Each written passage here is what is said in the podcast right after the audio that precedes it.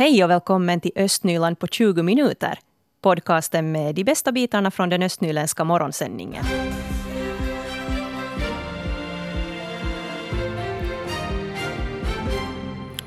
Klockan är halv åtta. Nu de regionala nyheterna med Stefan Härus. God morgon. Och vi börjar i Sibbo där ett barn har satts i karantän efter att ha varit i kontakt med en coronasmittad person. Det var i söndags som fyra skolklasser och ett fotbollslag i Helsingfors sattes i karantän efter att coronaviruset hittats hos en elev i Vik.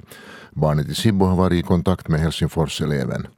I Sibbo är man förberedd att ge barn hemundervisning i karantänsituationer. Dessutom satsar man nu på förebyggande åtgärder såsom noggrann handtvätt och hygien överlag. Och mera hälsonytt från Sibbo. Sibboborna måste vänta sju dagar längre än väntetiden till hälsocentralläkare i medeltal för hela landet. Nästan hälften av patienterna i Sibbo är tvungna att vänta över en månad innan de får tid till en läkare. 21 procent av patienterna måste vänta i en vecka. Uppgifterna är hämtade från Yles artikel om hur länge man behöver köa till landets olika hälsocentraler och baserar sig på uppgifter från Institutet för hälsa och välfärd, THL. Borgostad kommer inte att söka titeln Stad för rättvis handel. Att söka och upprätthålla titeln skulle kräva mycket arbete anser stadsstyrelsen. Stadens resurser är begränsade och ska i första hand riktas till att främja mål som har ställts i stadsstrategin. Stadsstyrelsen behandlade ärendet vid sitt möte igår och det här utgående från en motion. Totalt hade 20 fullmäktige ledamöter tecknat under motionen om att söka titeln Stad för rättvis handel. Borgostad har nu valt entreprenör för bygget av motionstrappa i Kokon. Trappan ska byggas av ATL Rakennushuolto och kommer att kosta drygt 147 000 euro. Totalt fick staden in tre anbud. Motionstrappan ska bli cirka 1,6 meter bred och 200 meter lång och löpa in vid skidhissarna i backens östra kant. Trappans höjdskillnad är 52 meter. Och ännu ett sportresultat. Akilles bandyjuniorer från Borgo har tagit silver i FM-serien för under 15-åringar. IFK från Helsingfors lade beslag på guldmedaljerna. Matchen mellan IFK och Akilles var jämn men IFK drog det längre strået och vann med 4-3. Nu har vi Borgå-regissören Klaus Härö här i studion. Han är aktuell med sin nya film Livet efter döden som har premiär på fredag. Och Livet efter döden är i grunden en självbiografisk berättelse eftersom den här filmen skildrar Härös egen familj. Klaus Härös mamma dog nämligen i cancer när han var lite på 20 år gammal. Och den här färdiga filmen är ändå en helt egen berättelse med pappa Nisse och sonen Stefan i huvudrollerna.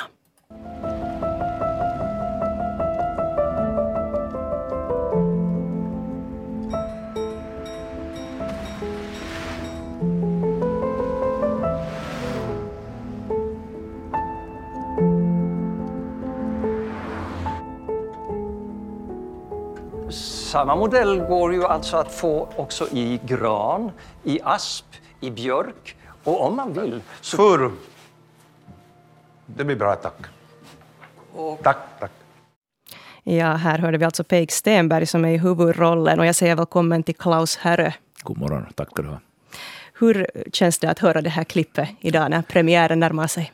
Det är ganska speciellt för mig att vara i det här läget nu, att nu är filmen klar. Jag har väntat över 20 år och gått och grunnat på det här att ska jag, ska jag våga och ska jag, ska jag kunna och, och ska det nu bli någonting att, att, att så mycket östnylänning är man ändå att man, man har i sig det där att inte det är nu någon som är intresserad av det här just nu när det är en personlig berättelse. Men så har jag tänkt så här att vänta nu att de andra filmerna jag har tagit itu med, de andra berättelserna, så har jag alltid avgjort på basen av det att att, att känns det här viktigt för mig? Och så har jag tänkt så här att men om den här filmen, den här berättelsen känns viktig för mig så finns det säkert någon annan för vilken den också kan kännas viktig. Och då tänkte jag att då måste ju samma gälla för den här berättelsen. Så där, ska vi säga ett och ett halvt år sedan ungefär, när jag höll på att färdigställa min förra film, Okänd mästare, så tog jag mod till mig och tänkte så här att nu har jag väntat 25 år, ska jag vänta 25 år till eller skulle det bli av nu? Mm. Och det här klippet som vi lyssnar på här, så där var alltså Peik Stenberg som gör rollen som Nisse. Och, eh, vad kan du berätta om den här situationen där som vi hörde? Scenen vi hörde, eh, där är alltså far och son besöker en begravningsbyrå och det är dags att välja kista och urvalet är ändlöst. Och då har vi alltså, det vi hörde först under musiken var en bil som åkte iväg. Bilen har också en viktig roll här i filmen, vi kan tala om det senare. Men eh, vi har alltså en berättelse om en far och son som efter mammans död befinner sig på ganska olika planeter kan man säga. Att där som den unga sonen, studerande sonen är i chock över att mamman är borta och han skulle vilja sörja och minnas mamman, så har vi en pappa som tycker att nu har han sörjt ett år, att han har sett mammans sjukdom på nära håll, han vill bara bort. Så hans riktning är att fly och komma undan allting, begravningsarrangemang, allt ska bara undan undan så fort som möjligt. Och det gör ju att far och son har väldigt svårt att nå varandra. Och det är det filmen handlar om. Där, kommer liksom, där är filmens story och handling, men det är också filmens ska vi säga, humor kommer ur det här hur olika vi människor relaterar till det här med sorg och sörjande. Mm. Och jag har ju sett den här filmen nu här på den här pressvisningen som var här förra veckan. Och det där, jag reagerar just på det här hur bra du tar upp det här med det här absurda just i den här situationen att man får inte tid att sörja när någon har gått bort. Man får inte egentligen tid att tänka på, på den som har dött. Utan man måste bara fokusera på praktiska arrangemang och det är begravningar och blommor och ja. kistval och så vidare. Och där är ju folk väldigt olika. En del tycker att det är skönt att ha något praktiskt att göra, att, att, att, att tankarna hålls i styr. Och andra tycker att de skulle bara vilja vara i, i lugn och ro. Så vi är ju olika där. Men, men för mig så är upprinnelsen till den här berättelsen, Livet efter döden, just det att, att, att när min mamma hade dött och, och jag sen tyckte att jag befann mig Eh, lite som en medlare mellan olika släktingar och olika viljor. Där jag var en ung människa och inte visste jag riktigt själv vad som var rätt och vad som förväntades. Så, så jag försökte lite medla mellan olika viljor. Ska det nu vara smörgås eller ska det vara smörgåskaka? Och, och hurdana blommor är nu rätt? Och, och folk hade väldigt starka åsikter och, och jag tycker liksom att jag befann mig liksom mitt i den där, i, i den där liksom, mitt i draget på något sätt. Och, och, och, det var liksom ur de här upplevelserna som jag tänkte då någon gång för 25 år sedan att om inte det skulle vara så sorgligt så skulle det nästan vara roligt. Och, och, och då gick jag med det här manuset, jag hade texten i bordslådan, inte bara i skrivbordslådan men i nattduksbordslådan i, ja, nu snart 25 år. Jag tog ut den alltid en gång i året ungefär och tittade på den, skrattade lite för mig själv och tänkte att det här skulle nog bli någonting. Men så gav jag upp igen och tänkte nej. Men det som då fick mig att ta mod till mig, förutom tanken på att, att jag hade väntat ganska länge, att ska jag vänta ännu, så var det att jag har ändå jobbat med så fina manusförfattare och, och fått jobba på nära håll och liksom öva mig en del. Jag skulle säga att mina sex tidigare eh, filmer har varit övning för att våga och kunna göra den här filmen. Hur mycket känslor har rivits upp inom dig att göra det här projektet när det ändå handlar om ditt liv? Jag skulle säga så här att, att det var bara roligt. Att, att det där eh, sorgen och sorgearbetet gjordes nog ändå då, liksom för, för, för dryga 20 år sedan. Att, att nu har det varit fint att minnas det här på ett sätt och, och, och, och ta upp det igen. Och sen det händer ju det som alltid händer när man börjar skriva, att det börjar leva sitt eget liv. Det här är inte precis jag, det här är inte precis min pappa eller mina släktingar, utan jag har tagit något karaktärsdrag hos personerna och renodlat det. Så min pappa hade lite sådana egenskaper att han var lite motsträvig och butter ibland, men, men, men då har jag tagit liksom och, och, gjort Nisse till nästan enbart det. Och jag skulle önska att jag skulle kunna säga att jag var alltid så här fredsam som filmen Stefan, men det var jag ju inte heller.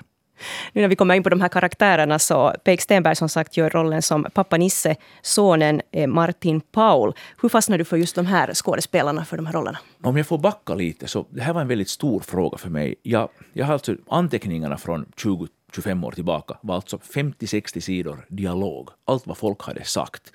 Och, och, och det, det, det, var för mig, liksom, humorn fanns väldigt mycket i det här, det här sättet, den här lokala dialekten, eller lokala, ska säga väldigt vardagsnära svenskan. Uh, det vi har nu i filmen är inte en borgodialekt precis, utan, utan det är väldigt vardagsnära svenska, men humorn var väldigt mycket där. Men på grund av att det finns så lite finlandssvenska skådespelare sist och slutligen, och det finns så många finska, så funderar jag en tid att ska jag göra filmen på finska? Det, finns många, det fanns många skådespelare jag tänkte mig att kunna göra rollen som den, den här Butra Nisse. Men vem i svensk Finland skulle vara rätt? Och, och, och jag, jag, jag, ville liksom göra filmen på svenska, men, men fanns den rätta skådespelaren? Och, och jag, jag, kom aldrig att tänka på, på Peik Stenberg. Jag menar, han var så så kopp för mm. mig. Liksom lippisen på fel led och gitarren under armen och, och, och, och, lustiga visor för barn och, och, och skicklig i sin bransch, men, men, men, men, men Nisse, nej, det kan han väl inte vara. Och så hände det att jag gjorde en tv-reklam för ett antal år sedan där han hade en pytteliten roll som en pappa. Och då fick jag se honom agera i någonting annat än som sås och kopp. Och, och då kände jag bara så här, men kunde det vara, det var som att liksom ett hopp vaknat, kunde det vara han? Och jag är så glad. Alltså, den här filmen, det blev ju också så när jag skrev att pappan fick huvudrollen. I mina tidigare anteckningar hade de varit ganska jämna alla karaktärer, men pappan blev huvudrollen, för han är den som på något sätt har förlorat mest och också liksom ställer till det mest för sig själv och andra här i filmen, så han blev den naturliga huvudrollen. Och den roll, alltså vi har visat den här både på svenskt håll nu och på finskt håll. Och det, det är otroligt att fast den är på svenska, så på finskt håll i Uleåborg säger folk ”tämä on niin suomalainen”, den är så finsk, folk kan känna igen sig i den här den här mannen som, som, som bara inte vill visa sina känslor. Och Peik gör ett fantastiskt arbete. Jag menar, det känns för mig nästan som när jag gjorde Fäktaren och hade i huvudrollen en estnisk skådis som egentligen var känd som komiker i Estland. Och folk kom och ryckte mig i armen och sa du har gjort ett fel, han är komiker. Och, och sen när de såg filmen sa de oj men han är ju bra. Eller som Maria Lundqvist som gjorde en huvudroll i Den bästa av mödrar, en tidigare film som jag gjorde. Samma sak, hon var mest känd för Sally på TV, en komediserie. Och så mitt i allt gör hon en jättedramatisk roll. Och det är lite samma känsla med Peik här, han gör en jättestark roll i filmen. Ja, vi ska ta och höra ett klipp här med Peik Stenberg. Tänk att du inte ska bjuda på gröt nu också, så att man säkert blir mätt. Är det är det, är det, är det, det som är meningen med begravning? Va? Att man blir mätt? Ja, det, det här man minns av, av Peik när man har sett den här filmen. ja, han, han är arg på allt och alla och det där. Och, och en sån människa kan ju vara tröttsam, men här i filmen har det vänts till, till komedin. Och, och folk som har sett filmen så, så säger att den är lätt att, att känna igen sig i. Och, och jag är förvånad själv hur gripna folk är när de ser filmen. För jag har kanske tänkt själv så här, att nu har jag gjort en mer humoristisk film. Och igår var det roligt, vi hade en visning i Helsingfors. Och, och, och, och, att också höra. Och det var liksom en över, ska vi säga, en mer svenskspråkig publik. Och de vågar skratta. Så det är nästan som att det är en språkfråga. Att, att finlandssvenskar ser den här humorn som finns mellan raderna här mm. och känner igen sig liksom och skakar på huvudet, det här omöjliga, de här omöjliga resonemangen som finns i filmen. Medan de finskspråkiga ser storyn, den här övergripande storyn och blir gripna av den. Så de är mer rörda kanske och de svenskspråkiga mer rådiga. Jag hoppas att, att vi kan få med oss lite av båda deras. Jag är bara så jätteglad att jag har fått göra den här filmen. För mig känns det som en gåva. Ja, och, och, som sagt, det, det, det, finns också ställen där man får dra på munnen. Jag tänkte till exempel på det här när, när Elsa, där, den här systern till pappa Nisse, kommer in och så frågar hon att, ja, att kan jag nu ha på mig ungefär det här på begravningen? Att, tycker ni att det passar det här? Och, och det är kanske inte alls den frågan man skulle ställa till just, just de där Nej, karlarna. Det här, det här visar bara det alltså att, att, att var och en har sina egna frågor. Alltså här i berättelsen har vi far och son på tu man hand i ett hem och för att saker inte ska vara alltför lätta så kommer äh, pappans äldre syster på besök och, och hon kommer liksom med en omhändertagande approach, verkar det som först, men småningom får vi veta att hon har en annan agenda också. För att eh, liksom, nu har i 30 år en annan kvinna huserat i hennes barndomshem och nu kan det minsann vara hennes tur, tycker hon. Så hon börjar styra och ställa där. Och det driver ju den här pappan till vansinne. Och, och en av hennes, hennes primära frågor är vad ska jag ha på mig på begravningen? Så att så, att så här är det. Och, och det där, jag, jag, tycker nog att det finns, finns liksom för var och en att, att, att, att, att hämta här. Och, och, och liksom, ja, speciellt skulle jag liksom säga så här att, att, att, att, en stor glädje känner jag idag för att, för att jag har fått göra en, en film av oss vanliga finlandssvenskar. Ja. För igen en respons vi fick av den finska publiken i Uleåborg var så här att Kör inte alla finlandssvenskar med nya bilar och har inte, är, inte era, är inte era hem alltid så där tipptopp som i inredningstidningar? Så nej, det, finns, det finns lika vanliga finlandssvenskar som det finns vanliga finskspråkiga. Och en annan fråga är också det här att eh, när, när de läser alla undersökningar om, om att finlandssvenskar lever längre och vi uppmuntrar varandra, vi har starka släkt och sociala band, så när de ser en sån här familj som, som allting lite haltar, så säger de så här, men är inte, är inte så att ni finnar, finlandssvenskar alltid uppmuntrar varandra? Så nog finns det de som gör det och säkert gör vi det ibland, men, men faktiskt inte alltid. Vi har Borgå-regissören Klaus Härö här i studion som berättar om sin nya film Livet efter döden som har premiär på fredag. Klaus, det som du satsar mycket på i dina filmer är ju det visuella. Du har vackra miljöer och bildvinklar och rätt ljus och rätt färger och så här. Hur, hur stor grej är det för dig att, att satsa på det här? No, för mig är det är det det främsta på det sättet att, nu menar jag inte att det ska vara så alltid snyggt och det ska vara så där liksom estetiskt i sig, det, det är inte det, men, men att film är ju att berätta i bilder. Och, och, och jag har tidigare ganska, ibland tänkt till och med så här att men dialogen den kommer i andra hand, att, att bilden är, är, är först. Att vad, vad, berättar bilden och situationen? Men nu måste jag säga att dialogen har varit särskilt viktig just i den här filmen, så nu hoppas jag att det är ett samspel mellan alla de här. Men det är klart, när du börjar göra en film, jag sa det tidigare att, att, att vi har en bil i en viktig roll här i filmen. Och den här bilen är en ärtgrön Toyota lite alltså från 1980-talet, om någon är en bil, eh, bilkunnig, jag är inte själv så bilkunnig, men vi hade en sån bil då på 80 och 90-talet och jag minns att man satt väldigt trångt. Så länge min mamma var med så satt vi alltså, min pappa, min mamma och jag och min mamma i mitten. Sen var hon borta och så var min pappa och jag där som i ett akvarium där framme med näsan i rutan ungefär, för det är så smått. Och, och, och det är en sån här liksom central bild i den här filmen. För att komma någonstans från det här hemmet till begravningsbyrån, till olika ärenden, så måste man resa den här vägen i den här bilen och när man sitter i bil på tu hand så förr eller senare måste någon säga någonting. Och hur dumt, säga, liksom, hur dumt kan man sen uttrycka sig? Det är ganska långt det det handlar om. Så bilen har en viktig roll och den här gröna bilen blev en sån här liksom estetisk ska vi säga, centrum i, i, filmen och sen utifrån den hittar vi ett hus med grönt tak och, och, och filmens färger blev grön, grönt och gult. Så jag hoppas att, att det är liksom också en estetisk upplevelse. Men framförallt hoppas jag att det är en sån här jättebra filmupplevelse. Vi ska ta ännu ett klipp här med Peik Stenberg. Två veckor? Kan det ta så länge? Att få en människa i jord? Jag kan inte fatta. På den tiden får hela världen veta. Men det får de väl ändå förr eller senare? Jo, jo, men ju senare desto bättre.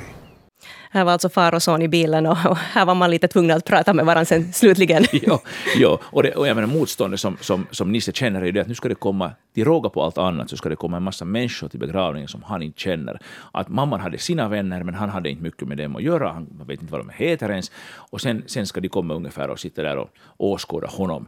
Och, och han tycker det är höjden av pinsamhet. Så, så det, där, det, är hans, det är hans approach till, till, till de här sammanhangen och jag, jag, tror att, att här finns nog mycket för var och en att hämta. Ja, absolut. Till sist här är nu Klaus Herrö, om din egen pappa hade levt idag och sett den här filmen, vad tror du han hade sagt om den? Den frågan har jag ju både fått och ställt mig själv och jag skulle säga så här att han skulle säkert muttra lite och säga att han tycker inte alls om den här uppmärksamheten, men sen tror jag ändå att han skulle vara lite nöjd. Det tror jag också. Tack ska du ha för att du kom, Klaus Herrö. Tack. Och det kan jag nu nämna här om den här filmen att det finns ju en del östnyländska miljöer som man får syn på här när man tittar på den. Till exempel begravningsplatsen i Borgå dyker upp där i filmen och där finns också en vaktmästare som jag tror att är ganska bekant för många. Stan Sanila gör den rollen. Så det är flera intressanta skådespelare med här i den här filmen. Jag har nu fått sällskap här i studion av Stefan Härus som är vår nyhetsvärd idag. God morgon. God morgon. Hur är det Stefan, det här med vindkraft, är det något som intresserar dig? Nåja, alltså de är lite fula de här möllorna tycker jag. De förstör nog miljön och naturen på något sätt. Sådär, för ögat i alla fall. Ja, de stora som, är de ju i alla fall. Ja, de ja. som bor nära lär ju inte ska tycka om ljudet heller. Nej, precis. Mm. I Lovisa där har man ju funderat på det här med vindkraft och det har funnits ett företag nu som har varit intresserat av att bygga en vindkraftspark i Tetom. Och igår så berättade du i nyhetsväg att det inte ser ut att bli någon vindkraftspark eftersom Näringslivs och infrastrukturnämnden i stan vid sitt senaste möte beslöt att inte sätta ut de här planerna för vindkraftsparken till påseende. Och det var då sju medlemmar där i nämnden som röstade emot förslaget att framlägga planförslaget och begära utlåtande om det, medan då bara två medlemmar skulle vilja gå vidare med det hela. Och du kollar lite vidare upp sen vad man tycker nu om det här beslutet där vid det här företaget som har varit intresserat av att börja med vindkraft. Ja, precis. Uh, Ilmatar Energy som bolaget heter. Jag ringde upp eh, uh, VD Erkka Saari och han var förstås lite besviken men han sa att det är nu ett beslut i, i, i, ett politiskt beslut och det här går att liksom förändra. Att han tror nu att, att det inte stannar här. Ja, att han har ännu förhoppningar om att, att det går vidare på något sätt. Ja, det, det, det säger han. Och en, en, han sa att en stad eller en kommun, liksom deras beslutsprocesser är nu så här att det går stegvis framåt och ibland så stoppar det upp emellan men sen så fortsätter det. Ja, och du talar också med direktören vid Centralen för näringsliv och infrastruktur vid Lovisa stad, Joakim Holmström. Vad kunde han säga? Ja, no, han sa att eh, det är helt riktigt att den här processen kan fortsätta, men det krävs då att stadsstyrelsen eller stadsdirektören eller eh, stadsstyrelsens ordförande kanske använder sig av, av upptagningsrätten och, och det där, eh, om, om man då inte kan godkänna nämndens beslut. Och i, i, så fall så då skulle det här komma upp på nytt till behandling och, och det där, till, till ny, nytt beslut. Mm. Men äh, om man inte använder sig av upptagningsrätten så då är det ju faktiskt stopp här, då blir det inga möllor. Om det här ska gå vidare nu i någon form så är det stadsstyrelsen eller stadsdirektören i Lovisa som ska utnyttja sin upptagningsrätt. Och den här nyheten har fått en del kommentarer, Fredrika. Ja, vi kan ju faktiskt börja här på tal om stadsdirektören och upptagningsrätt, börja med Jan de Åkerblom, alltså stadsdirektören i Lovisa. Eh, han svarar på vår tweet med den här artikeln vi hade på vår webbplats om att de här planerna lades på is med att säga att han kommer att överväga om han eller vi, då stadsstyrelsen, borde använda upptagningsrätt och behandla det där. Han ser inga goda grunder för att säga nej till de här vindkraftsplanerna, så vi får se nu att om det blir en fortsättning där. Det låter lite så på, på Jan de Åkerblom. Eh, sen som sagt då, en del kommentarer också här på vår Facebook till exempel. Eh, här är en som säger att någon gång ett mycket klokt beslut av beslutsfattarna i Lovisa, eh, säger han här. Och sen eh, undrar Jan här att vilka omständigheter har förändrats, för att en orsak var, eh, var att man då tyckte att omständigheterna förändrats under, under processens gång då till, till det här beslutet att, att lägga dem på is, de här planerna. Så konstaterar Jan också här att, eh, att lyssna på invånarnas tyckande är ingen omständighet. Och han anser då att det här är ett klassiskt fall av NIMBY, alltså not in my backyard, att man tycker om vindkraft i princip, men inte om det är nära ens eget hem. Östnyland på 20 minuter är en Svenska Yle-podcast. Det finns flera poddar på arenan. Jag heter Katarina Lind. Tack så mycket för sällskapet. Vi hörs.